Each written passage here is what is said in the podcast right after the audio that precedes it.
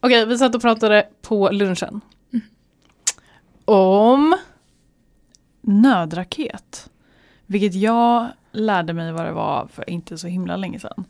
Um, Maja, du vet vad det är också? Ja, och jag, jag har ju en go-to-nödraket.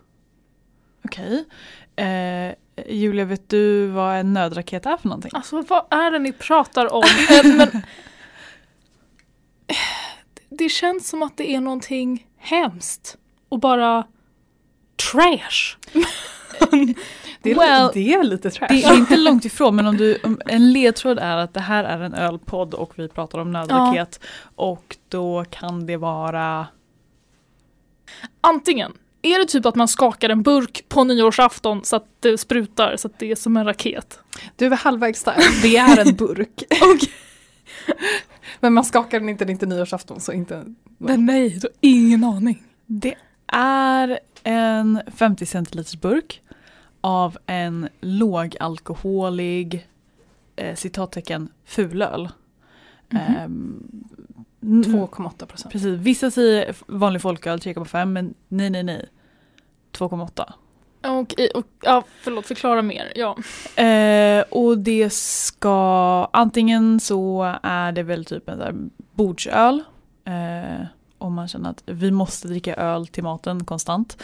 Eh, men man vill inte ha någonting jättestarkt som tar över maten. Eller så är det i brist på annat. Om starkspriten tar slut så har man alltid en, en nödraket hemma. Eh, för att fylla tomrummet. Så man bara, ah, vi behöver någonting att dricka till maten. Äh, vi tar fram en, dra, vi har en nödraket. Och det är liksom en 50 centiliters 2,8 procentig fulöl. Det är bara att du har öl hemma, en extra öl. Ja men typ, alltså om, om spriten tar slut och bolaget är stängt, okej, och vad ska vi dricka då? Festen är inte över. Vi har ju några nödraketer i källaren. Okej, så det är mer, det här är vår nödlösning för att överleva. Mm. Och det har fått den coola termen nödraket. Men det är oerhört lame. Men det är en 2,8-procentig fulöl. Mm. Jag har ju alltid Falcon Bayersk hemma. 2,8 Falcon Bayersk. Dels för att liksom eh, jag sällan brukar köpa öl. Så att det är alltid skönt att ha en öl hemma som är, om det är någon som kör typ och bara liksom vill ha, eller om man liksom, det är vardagskväll man är sugen på en öl, man kanske inte vill dricka liksom starkt. Alltså, det är, då är ju Falcon Bayersk min go-to. Det är typ den enda fulöl jag dricker, för jag tycker den är god. Och eh, jättebra i matlagning. Alltså jag tycker att den är superbra Mm. som bas i så här grytor och sånt. Är det en, en vanlig lager typ? Ja, Bayersk, den är lite mörkare. Mm. Lite Vilken dunkare. färg är burken? Eh, den är typ eh, vinröd. Okej, då kan jag se det. Jag har inte, inte druckit någon Falcon. Men då kan jag se den framför mig på Hemköp. Ja, Ja, men alltså också så här, jag, jag är inte jättestort fan av fulare generellt sett, men om det är någon fulare jag dricker så är jag absolut den. Speciellt typ så här, också så här, typ passar utmärkt som bastuöl typ. Eller typ så här en sen sommarkväll, man kanske är lite så här äh, trött, man har lite sol, haft lite solsting, man bara sitter på eftermiddagen eh, innan middagen och bara åh, perfekt med Falcon Bayersk. Så jag har alltid 2,8 i kylskåpet hemma för att det är skönt att ha lågalkoholig öl och den funkar bra i matlagning. Så därför blir det liksom alltid så här mindre nödraket. Så känner jag så här, "Ja, jag har en öl, ja, jag har ingen bra öl hemma eller liksom, jag behöver någonting. Falcon Bayersk. Jag, jag behövde googla på Falcon Bayersk 2,8. Ehm, och jag har definitivt också som Julia sett den på mataffären men bara liksom gått förbi. Att det, man behöver inte ens fundera på de där ölen men man kanske, man kanske ska det. Funkar som, liksom, Mm, I brist på Som- en ra- nödraket. Funkar det. Hej och välkomna till Humlepodden med Julia Jacka. Maja Koivunen Och Rebecca Findell. Idag ska vi prata om industriella bryggrevolutionen. Ja. Ja, Eller typ industriella revolutionen kopplat till bryggning. Ja. Lite livsmedel, lite utrustning, människorna. Det blir kul. Häng med.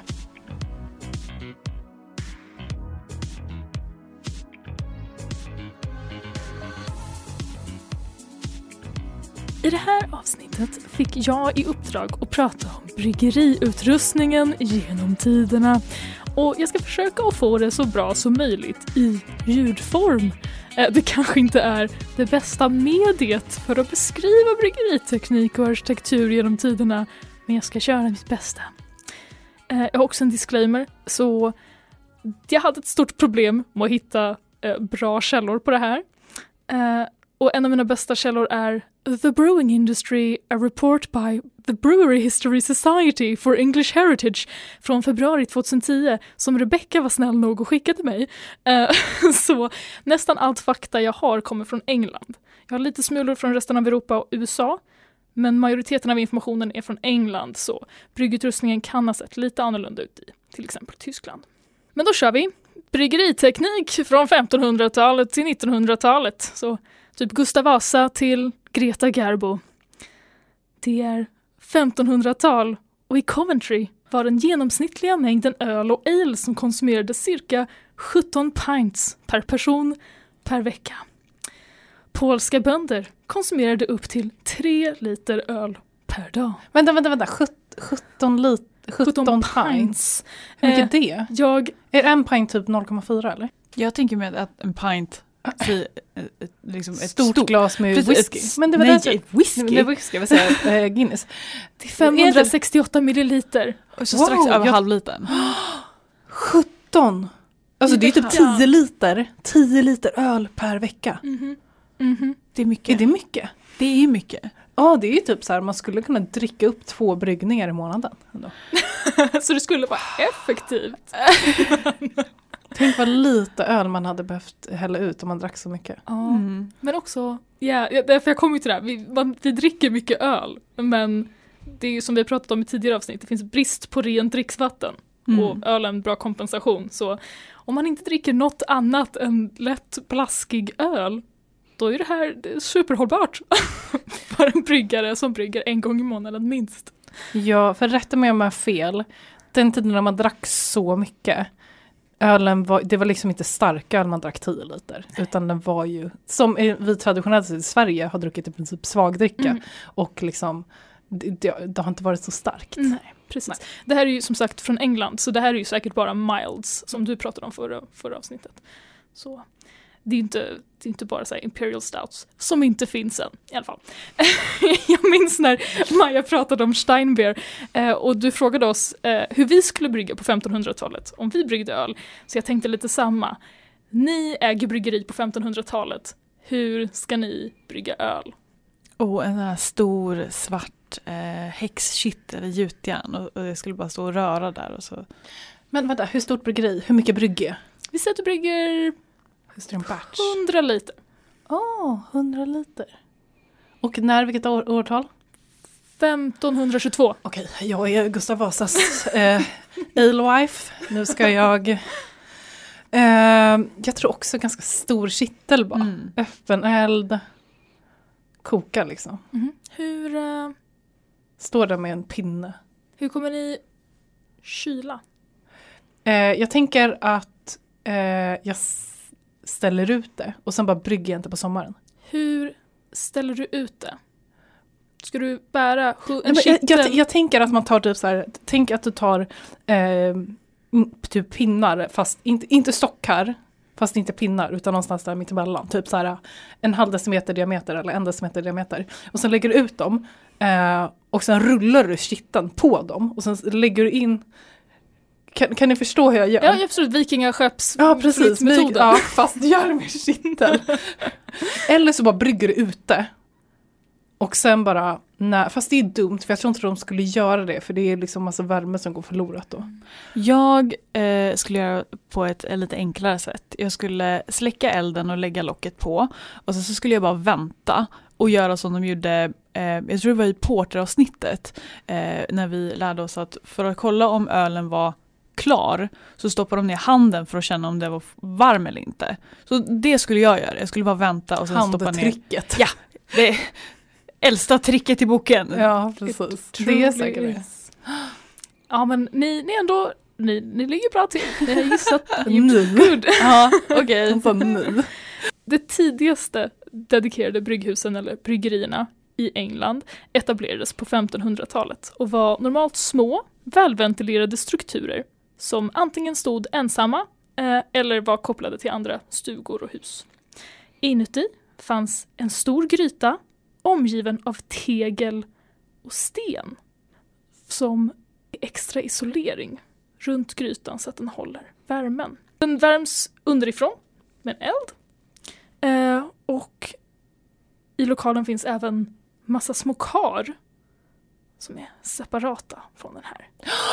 Kör de utblandarmetoden? Det vet jag faktiskt inte. Som jag fattar rätt så brygger du egentligen allt i samma gryta. Sen förs vörten genom kar för att kylas innan gästen hälls i. Och allt är på marknivå, det finns inga pumpar, det finns ingen ånga, det finns absolut ingen el. Eh, jag hittade ett träsnitt från 1800-talet som är en kopia av ett träsnitt från 1500-talet som visar ett bryggeri. Och då är det ett gäng män som drar i en stor gryta och sen har de en hand i ett av de här eh, kylkaren och sen en som manuellt flyttar vört från kylkaren in i träjäshinkarna. Alltså typ hinkvis. Ja, alltså de hinkvis. slevar ut en hinkvis med kokande vört, häller ner ett annat kal vätskan på ett och sen annat bara sätt. låter du det. Okej. Så basically vad jag, nu, nu är det källarkänsla, men jag tror att det är så du tömmer kokkärlet in i de här uh, kylkaren. Och basically verkar det som att de bara står fritt och så får de kyla sakta. Utblandningsmetod kanske, men det har jag inte hittat något på. Nej men det känns konstigt att och de sen får bara det, tror stå jag. och sen Mm. doppa ner handen tills Mhm. det är blodtemperatur hittade jag i Blodtemperatur. och eh, då vet du att gästen kommer överleva när du häller ner den. Och sen ner i, i trä, eh, Åh, jag fucking, fucking älskar medeltiden. It's, Men alltså jag känner mer och mer när vi pratar om de här gamla, det var samma sak när vi pratade om portalavsnittet och liksom det här med three threads och liksom hur jag bara min, alltså så här, jag vill jättegärna, skulle jättegärna kunna liksom vilja besöka Sirva, samtidigt så vill jag bara mindre och mindre resa dit, för ölen måste ha varit så vidrig. Alltså jag vet det här med att man drack den Mm. ganska snabbt, Ja. men den måste fortfarande ha varit så vidrig. Pitcha gästen i typ 38 grader, eh, liksom låta den jäsa i typ så här bara, liksom, dricka den inom några dagar bara. Mm. Alltså det, det, den liksom bara gästigt, infekterad. Handbakterier som Ja. följer med från början. handbakterier från en människa på 1500-talet. Som inte vet vad tvål är och inte vet att, vad det är som, alltså det är, jag vill så, alltså även om jag blev liksom erbjuden, hej skulle du vilja besöka och testa en öl då? Nej, jag vill inte bli förgiftad. Alltså man blir fan, jag först, det, är, det är orimligt för mig. Hur det kan, alltså, eller så här, det, det är sjukt. Hur det kan ha varit det liksom bra alternativet. Mm. Hur det liksom Ja. den här ölen, den här drycken som liksom är liksom Yes. Precis så. Det är är bättre så- än vatten. Alltså jag är så glad att jag lever idag Ja. och kan dricka god öl. Jo. ja. Eh, Tänk om man kom dit med liksom en Falcon Bayersk och bara, hörni kolla så här kan öl. I'm gonna blow your minds. Det här, this is what we call a A Nudraket. nudraket. En kul grej som hände på 1500-talet. Man använde ju tunnor för transport, förvaring och servering av öl. Och 1531 i England är det olagligt för bryggare att tillverka sina egna fat. Och det var för att det skadade tunnbindarnas försörjning. Oh, men det här har jag hört. Är inte det här också kopplat, eh, alltså, det, det låter ju som samma idé som det här med bourbonfat i USA. Att det var sådär, det skulle vara nya fat bara Mm. typ. Och det var typ någonting med så här, ja det, för det måste finnas arbete. Mm. Alltså, det känns, det låter bekant. Exakt, det, Mm. jag tänkte det. Det det, är, inte, det, är inte, det är inte innovativt eh, affärstänk. Nej, nej, nej. Det där rackarns tunnbindarskrået. Ja, det, det är tur att vi blev av med dem. Jag tror inte vi blev av med dem, eller vadå? Vem fan binder tunnor idag? Det är maskiner. Maskiner Tror du det är det. maskiner? Tror det finns typ en riktig tunnbindare i världen. Han kanske gör alla tunnor. Vet du vad? Till nästa avsnitt så ska jag försöka se om jag kan hitta någon liten info. Det blir en liten en, liksom fun fact about tunnbindare idag. Bindare? Support Heter det? tunnbindare. Ja, tunnbindare idag. Jag ska, se, jag ska se om jag hittar en svensk tunnbindare som jag kan få en intervju med. När började man i Tyskland servera öl i glasflaska? Oh, Jag läste det här, fan! Oj, förlåt. jag vet inte varför jag ber om ursäkt. eh, jag vet att, ja fast i och för sig. Ehm, jag vet bara att eh, de, de bruna flaskorna eh, blev inte typ så standardanvändning förrän typ så sent 1800-tal. Men i och med att vi är på medeltiden så tror jag att jag är helt ute och cyklar just nu. Så jag ångrar att jag sa något, varsågod. 1648, jag har ingen aning. 1561 hade varit rätt svar. Nej, 1561 är första gången man får sälja glas. Eh, sälja glas i öl. Eh, sälja öl i glasflaskor. Här, glassplitter! Grattis! Det är en ny innovation. Eh, det är första gången man, får, man börjar sälja öl i glasflaskor i Tyskland. Tidigt. Det är så tidigt. Men Men vadå? Jag tänker typ så här, men jag, det känns konstigt. Eller jag tänker typ så här, hur skulle det annars sälja öl? Alltså jag tänker att man hade såna här, ja men man typ så här, skulle man köpa lite öl så kanske man hade en så här dama- fem liters damachang eller fem Eller liters här, krus. Ja, krus tänker jag Ja. med, med sån här med lock på. Ja, alltså du tänker på en vanlig... Ett stop med Ett- lock. Mm. Ja. Ja. det är stengods och så är det ett metalllock och så är det massa så dekorationer och sånt. Kan men tycka. läskigt ändå. Jag tänker typ så här, åh vad roligt med handblåst och liksom så här. Men i, jag menar idag, du kan ju inte liksom tappa upp öl på vilken flaska som helst på grund Nej. av kolsyra. Och jag tänker farligt på eh, 1500-talet Ja. när det var, De hade ingen aning ja om vad precis, det var bara, öl det de kunde tappade. explodera hur som helst. Men det kanske inte var så tätt, det kanske liksom var utan kolsyra Ja. och att den liksom var öppen i princip så att det kunde, allt kunde bara försvinna. Jag, ja faktiskt, här kan jag gissa något baserat på mina andra fakta, så det här behöver inte vara sant, men det första sättet att försegla flaskor på var ju med vax och tyg. Så det kan ju varit att man Mm. förseglade bara de här med vax och tyg och det är ju inte supertätt.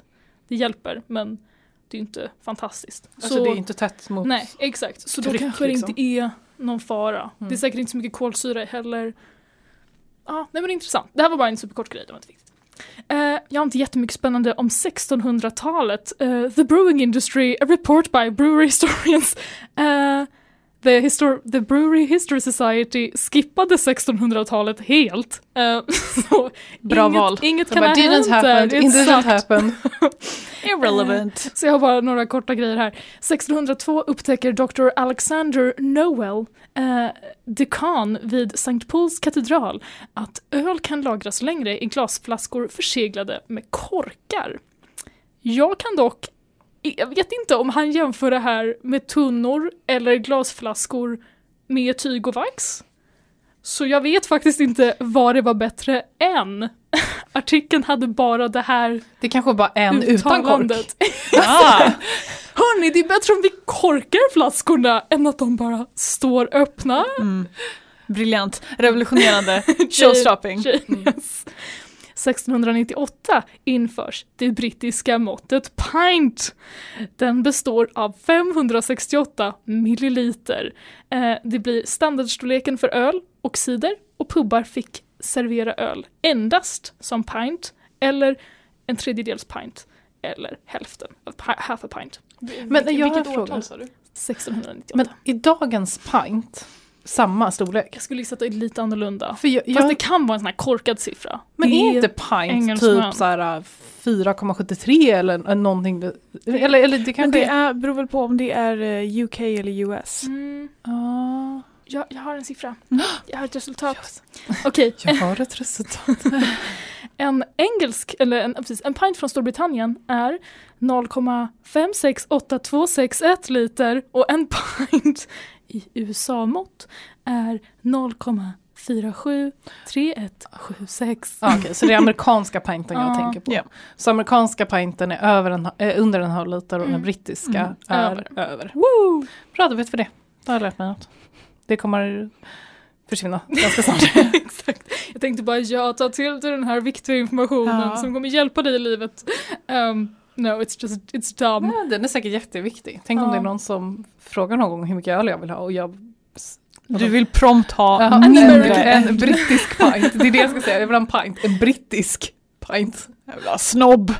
För fan. På 1700-talet var de flesta som hade bryggerier, de ägde också gods och därför hade de här brygghusen nu blivit inbyggda i godsen för man förstod att det var värt att ha mycket större lokaler än tidigare.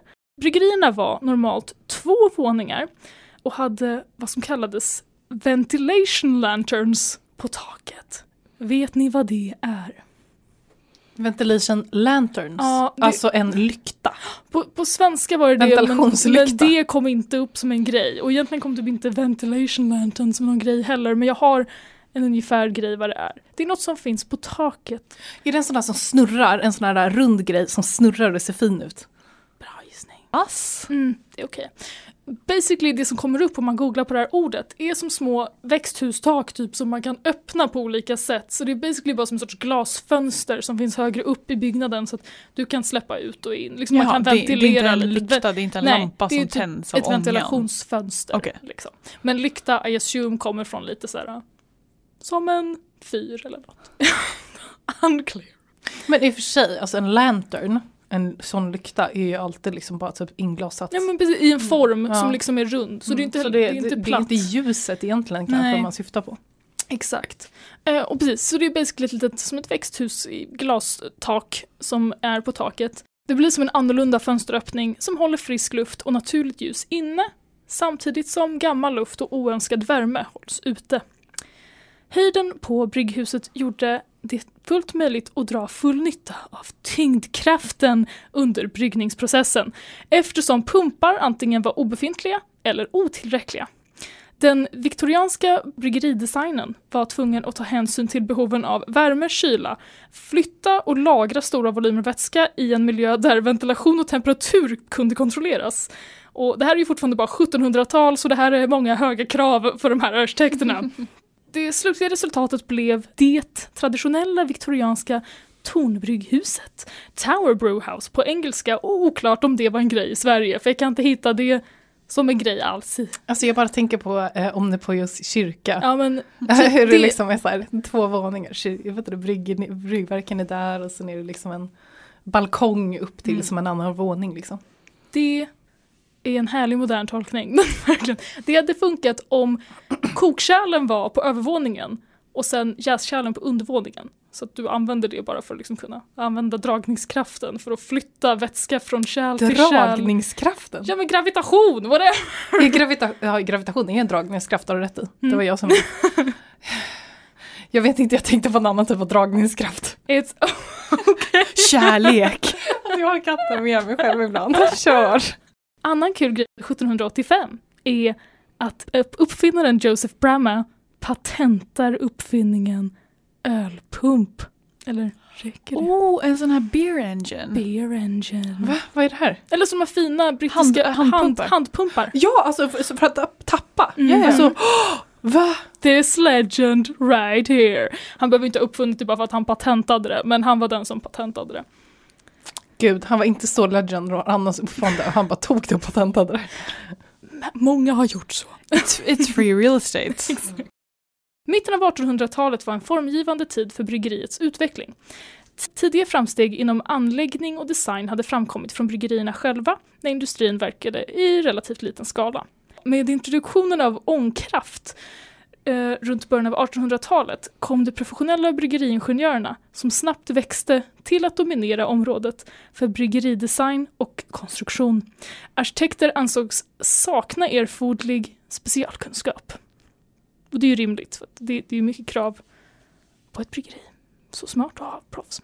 Mm. De nya bryggerierna på 1860-talet, som sträcker sig från industriell till mikrobryggeri, gjorde en betydlig inverkan på den viktorianska stadsbilden med landmärken som brygghustorn, skorstenar och vattentorn över städernas silhuetter. De moderna brygghusen byggdes fortfarande med torn och kärlen placeras liksom i olika höjd för att bara ja, använda gravitation från process till process längre och längre ner i byggnaden. Bryggerier var lika stolta, om, stolta över sin omställning till ånguppvärmning som de hade varit över den ursprungliga ångmaskinen. Och det resulterade i att många bryggerinamn under den här tiden tydligt är inspirerade av ånga, så till exempel Steam Brewery var det, för det var så himla häftigt, vi är så moderna, vi har den här nya teknologin. Nynäshamns ångbryggeri. Alltså Mhm. probably yeah, exakt. Mm. Så det är it's superfun. Så man vet att alla ångiga bryggerier, de är ganska gamla. Ja, men faktiskt. Eller de kan vara det, antagligen. Kul grej. När uppfanns kapsylen? Oh. Åh, men det här kollade jag ju upp eh, från förra avsnittet. Ehm, Var inte det jag- burkar? jo, men jag kollade, då koll, såg jag även, då pratade de även om eh, kapsylen. 1876. Jag kommer inte ihåg. 1892? Oh, Vet du vart? USA. Ja, Baltimore. Alltså de är här ju för typ, Det är de som gör de här sakerna. Precis, så ja, eh, 1892 uppfinns kapsylen i Baltimore.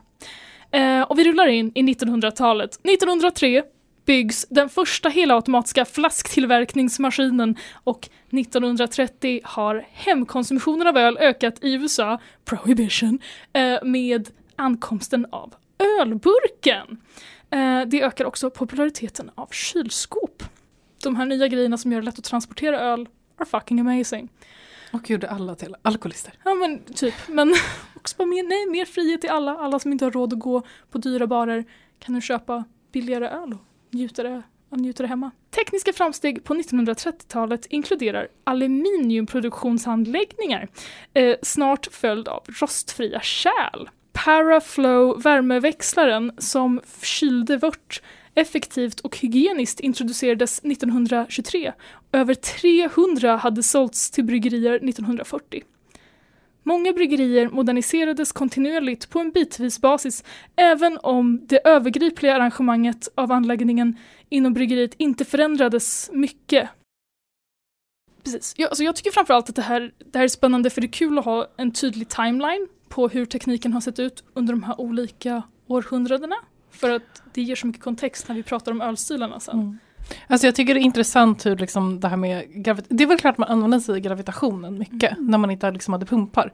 För jag menar, och det gör ju jag idag också när jag brygger hemma. Mm. Jag, Mm. kör inte, jag pumpar ju inte från bryggverket ner till jäsinken utan jag bara öppnar på trappen och ser till så har bryggverket uppe på min tvättmaskin. Liksom. Mm. Så att jag menar det... Ja, Det är så intressant också hur fort det gick. Mm. Så fort liksom ångmaskinen blev tillgänglig så var det liksom okej, hitta investerare, vi köper det här, vi Mm. bygger om den till den här. Det funkar så här att det var liksom före och efter industriella revolutionen är verkligen så natt och dag Mm, för bryggerierna. Men verkligen, för då går liksom bara, ja idag ska jag släpa hundra träbackar med öl mellan de här kärlen till, ja, bara tornbryggerierna och så ångpumpar Mm. och allt möjligt. Det är fantastiskt. men var det liksom, jag tänker bara att det var svindyrt att brygga de här, torn, eller bygga de här tornbryggerierna. Alltså jag tänker det också, men jag tror att de, de, de tjänade säkert. Absolut. Det, det effektiviserade ju processen så fruktansvärt mycket. Du Mm. behövde säkert ha färre anställda och eh, man kunde fokusera på att förbättra ölen. Mm. För det, det är också så annorlunda perspektiv på jag känner hur typ ekonomin funkade. Det här hörde jag på Janko-podden för ett tag sedan. Och det var, han hade en intressant diskussion om så att vi är så övertygade om, eftersom vi lever i ett kapitalistiskt samhälle så har vi, vi tycker det är självklart att det är kapitalism, man behöver inte hålla med om det men man tänker sig att det är så här samhället Mm. är Mm.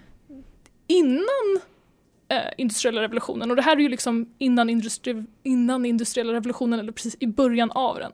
Då finns liksom inte kapitalism på det sättet. Och pengar rör sig mycket snabbare mellan personer. Liksom, folk får betalt i öl. man, man får typ sin lön varje dag i en liten... Alltså, så allt går runt på ett helt annorlunda sätt. Det är inte investeringar Precis. på samma sätt som man har idag. Exakt. Utan det, är liksom, det var värt att bygga upp för att allting gick så snabbt ändå. Så det var Mm. inte så att du bara var tvungen att, liksom, ah, nu- det här investeringen blir liksom 30 Mm, år fram Jag måste tiden. avbetala det här på det här sättet. Ja, alltså, precis, det säkert också, så. man tog ju lån också. Så Mm. att eh, banker är ju en gammal grej. Så sä så säkert var det ju en jättestor investering men det var säkert väldigt tydliga vinster i att vara en av de första som gjorde de här eh, nya investeringarna. Och alla dricker öl, alla dricker så jävla mycket öl. Så Mm. du är liksom i en bransch där du är efterfrågad konstant om du är duktig.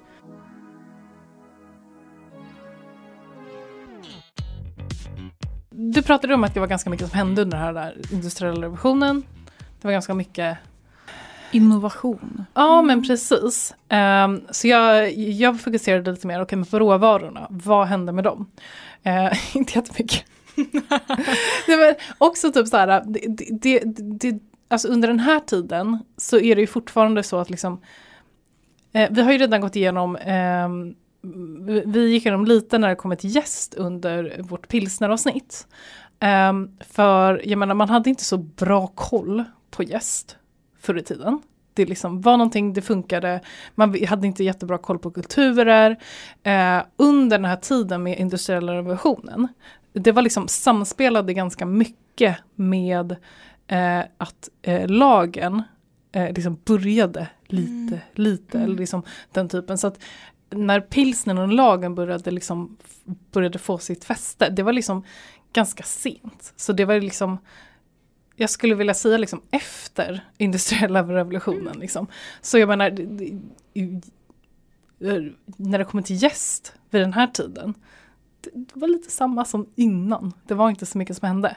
Eh, humle, samma sak där. Alltså när det kommer till den här, den här organisatoriska odlingsprogrammen där man skulle ta fram nya sorter och liksom särskilja exakt vilka som var bra och liksom den typen av när det kommer till humle, det var också liksom sent inne på 1900-talet. Det hade funnits några försök till det innan, liksom, innan krigstiden och sådär. Men de flesta liksom lades ner för att det liksom inte var typ ekonomiskt hållbart och sen var det krig och då var det inte värt att göra det. Liksom. Så, jag menar, humlen förändrades inte alls. Det var ju de här, det fanns ju odlingar och det fanns mycket gårds eh, odling också. Det har ju varit gammalt i Sverige till exempel att man har haft mycket gårdsodling. Men det är ju mest bara att samma humle och den stora förändringen när det kommer till vilken humle man använder och utveckling av olika humlesorter som där. Det var ju liksom sent på 1900-talet. Så det var inte så mycket som hände där. Men där det faktiskt hände mycket, det var ju malten. Man har ju typ mältat på samma sätt, den här golvmältningen. Idag finns det ju också att köpa golvmältat, men det är väldigt ovanligt. Idag golvmältar man inte, utan idag gör man ju det liksom i stora industrier lite mer. Men det finns ju fortfarande golvmältat, men själva golvmältningen som man mältade, alltså man blötte upp eh, kornen, eh, eller kornet, så, eh, och det kanske man gjorde typ så här, dränkte vatten i några dagar, eh, och sen för att, för att det skulle gro och sen torkade. Eh, det är egentligen den här golvmältningen som det, det är. Den följde med långt in på 1900-talet också. Så den, själv, den delen av mätningsprocessen har inte heller varit så speciellt stor skillnad. Det var lite annorlunda liksom hur man, vilken typ av golv man lägger ut på, vilken typ av djup och liksom sådana där saker. Men i det stora hela pretty much the same. Men när det kommer till olika specialmalter, det är där det blir intressant. Um, så typ så här på 1800-talet, då var det fortfarande typ porter vi drack. Eh, och eh, och det var ju, det var ju liksom typ den största ölen. Eh, vi pratade mycket om det här i vårt IPA-avsnitt. Hur, och då nämnde vi eh, det här med att ja, men det började komma lite ljusare maltsorter. Eh, och den började ju faktiskt i eh, England. Eh, och sen kom det ju eh, den här historien om att det kom folk från Bayern och snodde Ja, den exakt. teknologin.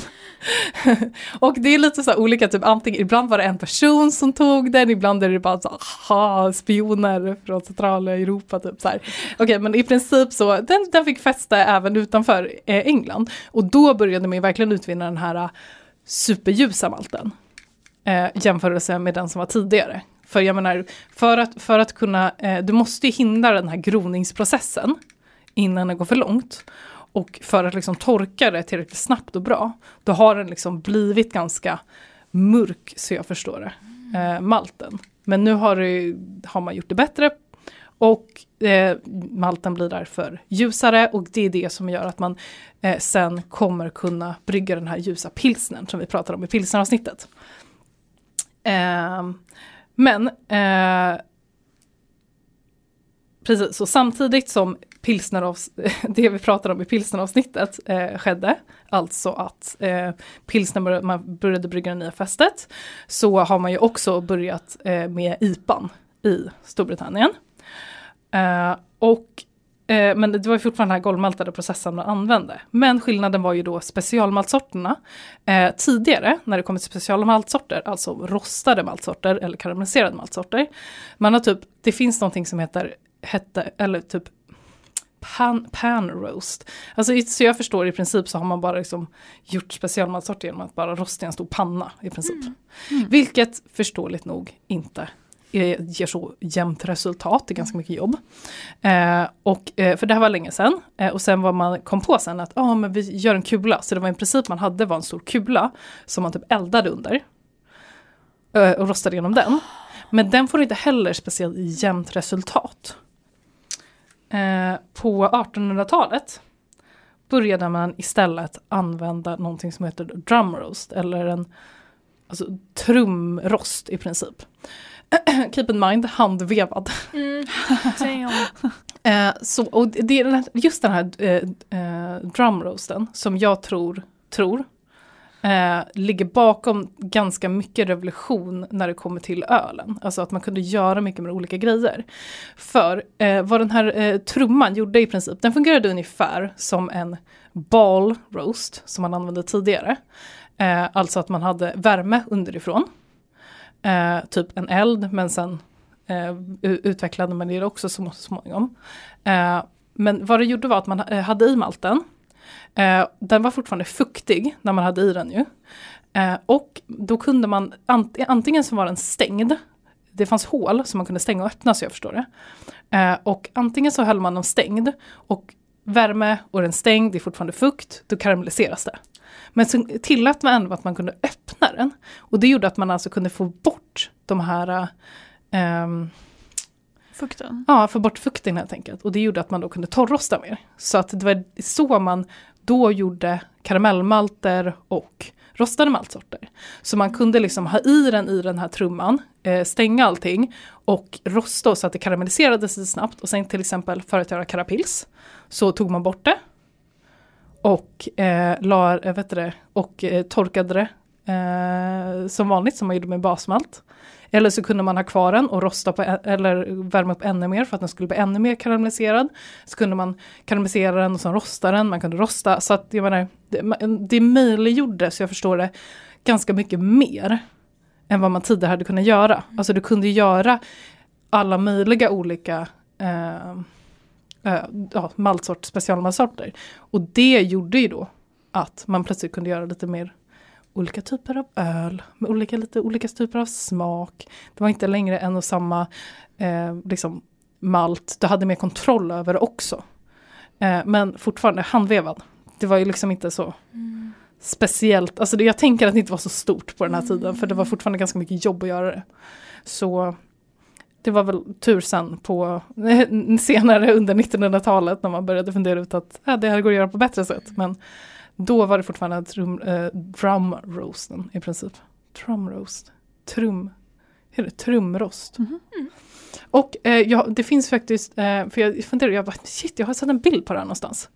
Weijerman har ju en ja. sån bild ja. på typ så här, och det är en, en trumrost i princip som står. Gammaldags. ja. Mm. Vi kan, vi kan lägga ut den på Instagram. Mm. Eh, i alla fall. Så, och, men vad det här gjorde då är att det möjliggjorde mycket jämnare resultat. Så att alla korn i princip blev liksom lika mycket rostade, lika mycket karamelliserade. Möjliggjorde också lite mer fingertoppskänsla, eh, alltså jag tror att du kunde liksom fixa lite mer med temperaturen. Det, det, var lite mer flexibelt med det. Ja, så för att till exempel, då borde man kunna göra till exempel biscuitmalt då hade man jättehög temperatur, eller jättehög, relativt hög temperatur, relativt eh, låg fukt, fast då hade det väl väldigt kort tid och då fick du den här eh, kakiga. Mm, så gott, piskat malt. Ja, karaktären i alla fall. Eh, och eh, men sen, det började ju sen, eh, man började ju göra det med eld, men sen gick man över till att till gas. Och, för att det var väl lättare att hantera. Men det, det här är ju bara, eh, jag, menar, jag pratade lite om Altumle och gäst, eh, och som vi nämnde i förr, förra, nej, förra avsnittet, eh, så förr i tiden så kanske man inte bara använde humle för att mm. smaksätta öl, utan man kanske även använde andra typer av örter och sånt där. Så jag menar, humle har man faktiskt använt typ sedan 1300-talet eller något sånt där. Men kanske inte lika stor utsträckning som man gör idag. Mm. Men jag tror att de senaste, rätta mig jag fel, typ århundradena har man i alla fall använt humle majoriteten. Visst. Mm. Och det, det är ju på grund av de här, liksom, det var mycket, mycket lättare. Alltså industriella revolutionen gjorde det ju möjligt att brygga mycket större mängder. Och då behövde man ha saker som kunde hålla. Och humle möjliggör ju det. Så. Och sen var väl humle lättare att domesticera än typ mm. ljung eller älgört som är så traditionella skogsväxter. Mm. Eh, så jag antar att den var liksom det, det, blev humle för att den var lättast att mm. kontrollera. Mm. Och säkert godast. Mm. Något eh, annat coolt som hände på 1800-talet var ju eh, Saccharomyces carlbergiensis. Mm. Eh, när laboratoriet på Carlsberg eh, isolerade en av de första lagergäststammarna. Eh, tack vare någon sån här fransk eh, biolog eller någonting. Um, så det var typ 1870 som man fick den första renodlade lagergästen. Mm. Annars så bara fanns den där på bryggan. på någons eh, hand.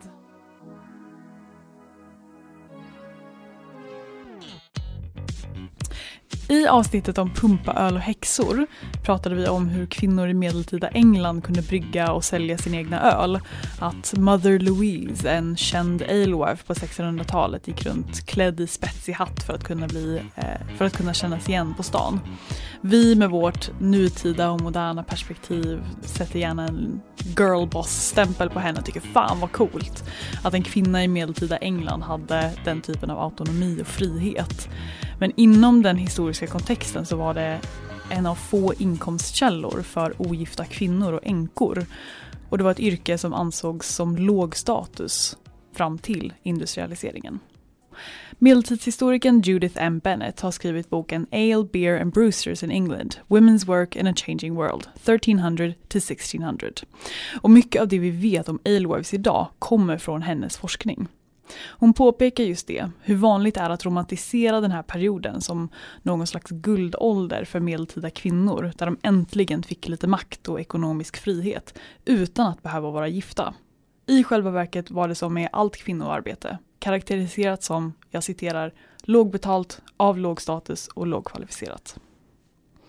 Historikern Louise Jakobsson skriver i masteruppsatsen Bryggerskor och ölförsäljerskor, kvinnors arbete inom bryggnäringen i Stockholm 1460 till 1525 om samma period men i Sverige, där hon beskriver att med utgång från den etnologiska teorin om arbetsfördelning, att om det finns ett ekonomiskt intresse så utförs arbetet i fråga av män. När den senmedeltida kommersialiseringen möter 1700-talets upptrappning till industriella revolutionen så tvingas kvinnor ut ur bryggarrollen på grund av en hastig kunskapsackumulering hos män och deras professionalisering av arbetet. Import, export, marknadsföring, bryggarskråer, sådant som kvinnor inte var lämpade för. Att brygga öl blev ett yrke, helt enkelt.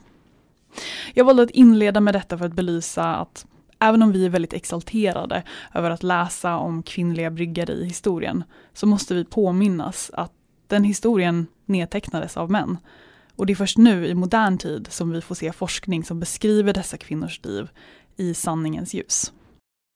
1700 och 1800-talet präglas av maskiner. Ångmaskinen introduceras och det som tidigare var kvinnoarbete blir till massproduktion. Det som kom upp gång på gång i min research är hur den fysiska arbetsbördan minskar drastiskt och behovet av specialiserad kunskap ökar. Eh, som Julia nämnde, ingenjörsyrket dyker upp bland bryggerierna. Personer som har stenkoll på bryggprocessen men också kunskap om de nya maskinerna och arkitektur.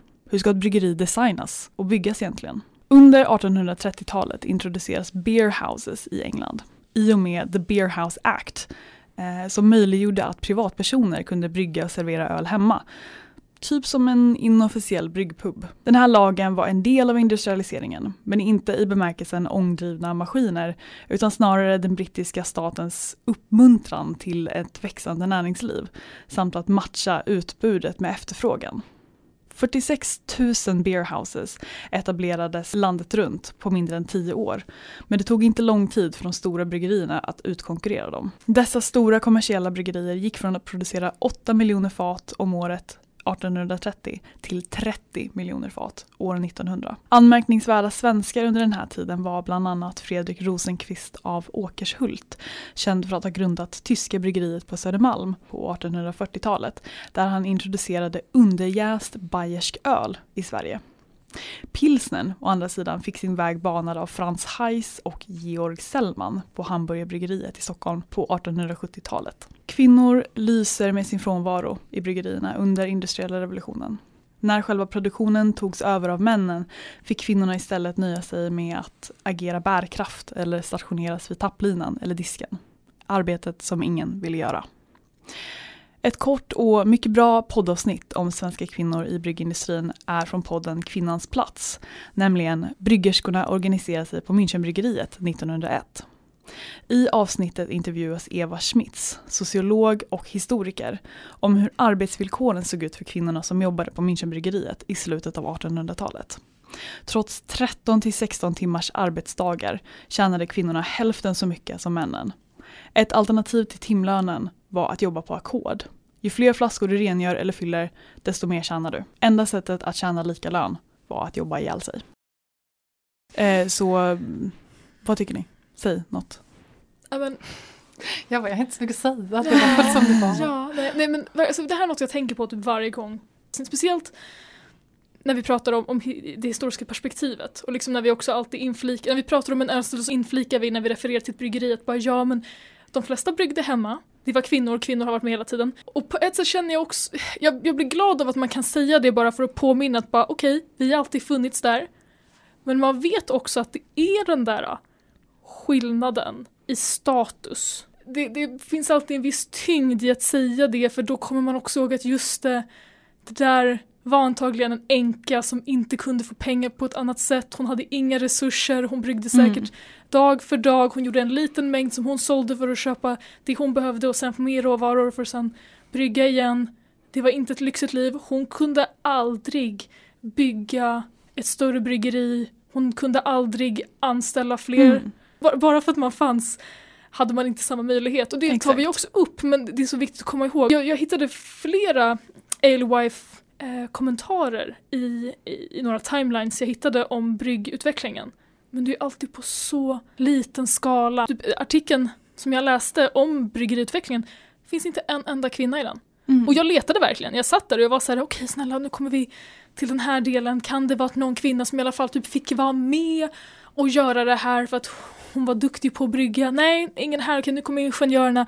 Kan det vara någon? Like, till och med bara på den på, när, man, när man läser om kvinnor förr i tiden, då är de enda vi hör om är de med riktigt hög status. Det är typ Ja. yngsta dottern i en familj med bara killar. Hon har fått lära sig saker för hon fick sitta med på lektionerna för att föräldrarna orkade inte ha henne.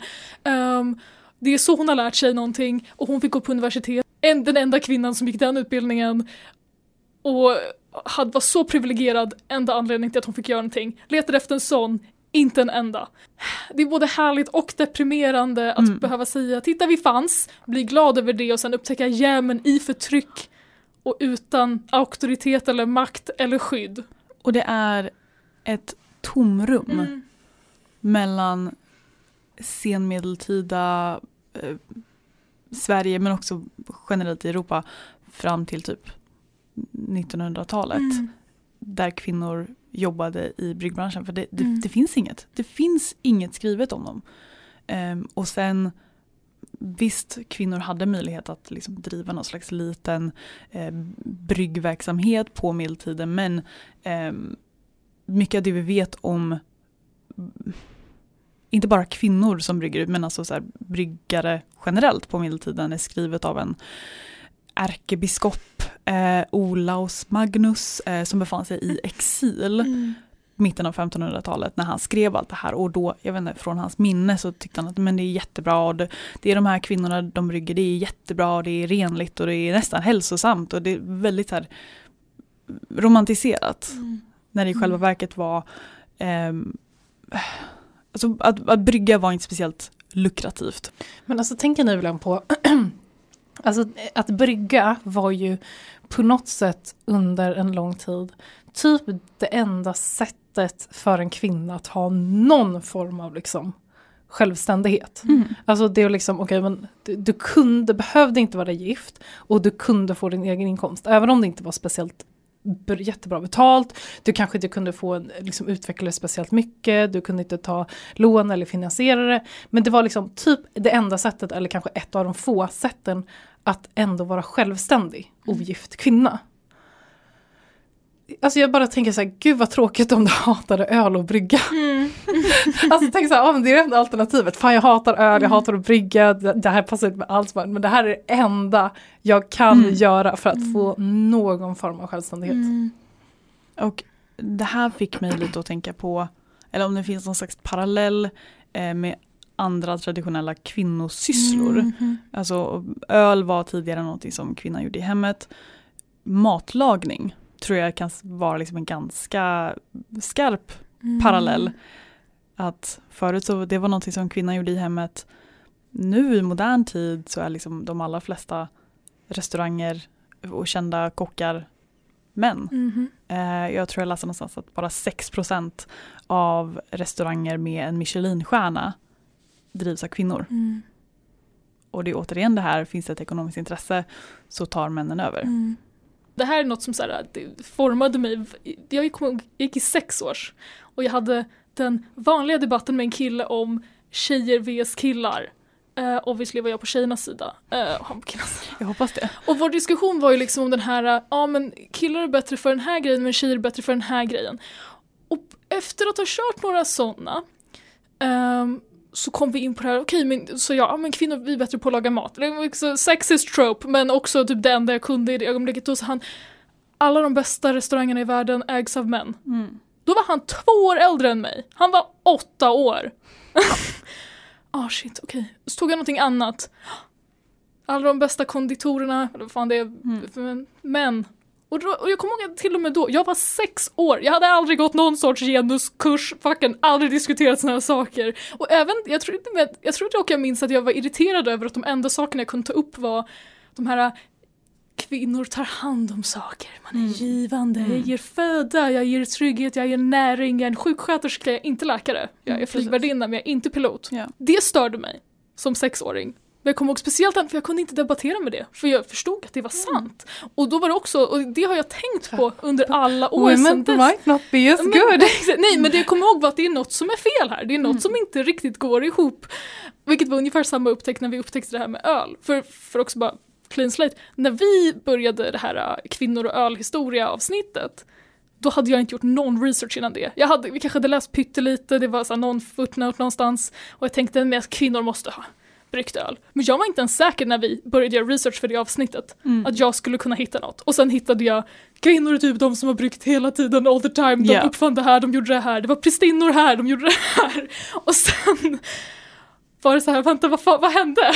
hur, har, hur hände det här? Och så är det samma ja, dissonans. Ehm, ett bra Instagramkonto som jag kan rekommendera är Women Invented Beer.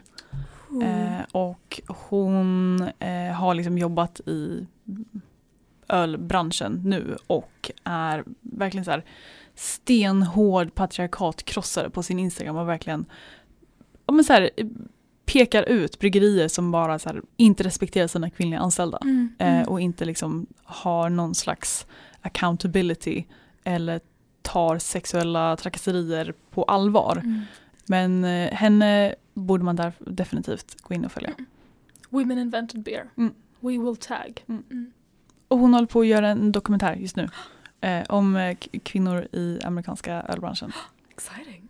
Varje gång jag försöker inför mitt inre öga se den här idyllen av kvinnor som brygger öl ser jag också fattigdomen och Mm. utsattheten och förtrycket. På ett sätt så är man ju tacksam för att industriella re- revolutionen gjorde ölen till det vi har idag. Men samtidigt så var industriella revolutionen anledningen till att kvinnors roll i ölbranschen ser ut som den gör idag. Att det är liksom, okej, ett steg fram men två steg tillbaka. Eh, och att det är så otroligt många som inte ens vet det här. Vi behövde de som kunde utbilda sig. Men hade det inte varit härligt att ha ett samhälle där kvinnor också fick utbilda sig Mm. och också fick vara med i den här processen och också kunde vara kvar och brygga öl och utveckla ölprocessen istället för att bara bli utputtad. Nästa avsnitt släpps i mars och vet ni vad som händer då? Internationella kvinnodagen! Woo! uh, yes, Woo, we're pumped! Eh, nej, så vi, vi hörs då, kommer vi prata om massa coola kvinnor i ölvärlden, massa god öl. Vi ses då. Hej då! Hej då!